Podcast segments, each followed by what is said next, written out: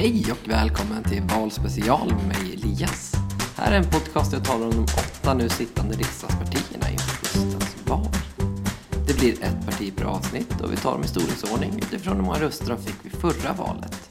Så nu är vi framme vid det näst sista avsnittet, avsnitt nummer sju.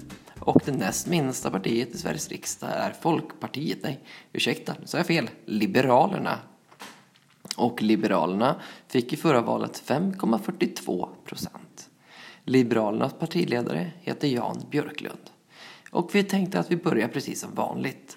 Att vi börjar med lite allmänt och lite historia om Liberalerna. Liberalerna, hör man på namnet, hänger sig väldigt mycket åt liberalismen. Och liberalismen är en frihetsrörelse. Det kommer från latinets ord liber som betyder fri. Och man menar att det ska finnas frihet för alla. Liberalerna kämpade väldigt tidigt för allas lika rösträtt i Sverige. På den tiden var det väldigt många som vände sig mot idén att alla medborgare i Sverige skulle ha inflytande och yttrandefrihet. Man sa att det var egentligen bara vissa som skulle få det.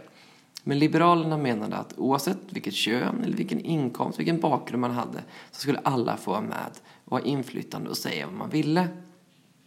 Tanken var att alla personer ska vara fria att forma sitt eget liv och det är det som från och med där alltid har legat till grund för den liberala politiken. Och anledningen till att jag sa Folkpartiet, det var att Liberalerna, de hette faktiskt först Folkpartiet. Och partiet grundades 1934 under just namnet Folkpartiet. Eh, och det var en sammanslagning av några olika partier. Men från och med 1990 och framåt så hette de Folkpartiet Liberalerna. Men 2015, alltså för tre år sedan, så bestämde man sig helt enkelt för att bara heta Liberalerna.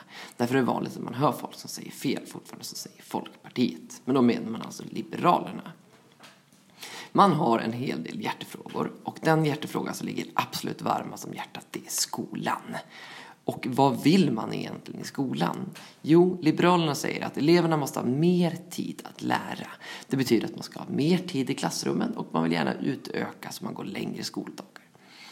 Man säger heja lärarna, man vill ge lärarna högre löner och bättre chanser till karriärer och så vidare. Man tror också på lugn och ro i klassrummen.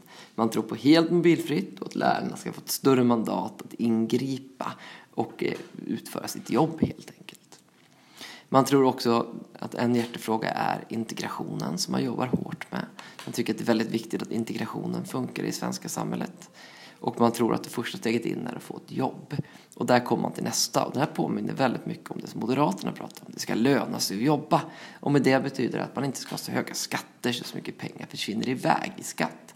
Utan man ska känna att det är värt att gå till jobbet. Man tror också väldigt mycket på valfriheten. Man ska kunna välja olika alternativ när det kommer till vård och när det kommer till skola. Så man tror på friskolor och man tror på privata vårdlösningar. Men man tror att man ska lösa alla problem tillsammans. Man ska samarbeta och man ska gärna samarbeta med andra länder. Därför gillar Liberalerna EU väldigt mycket och tycker att det är en jättebra organisation. Det finns en hel del kända liberaler och jag tänkte ska nämna några.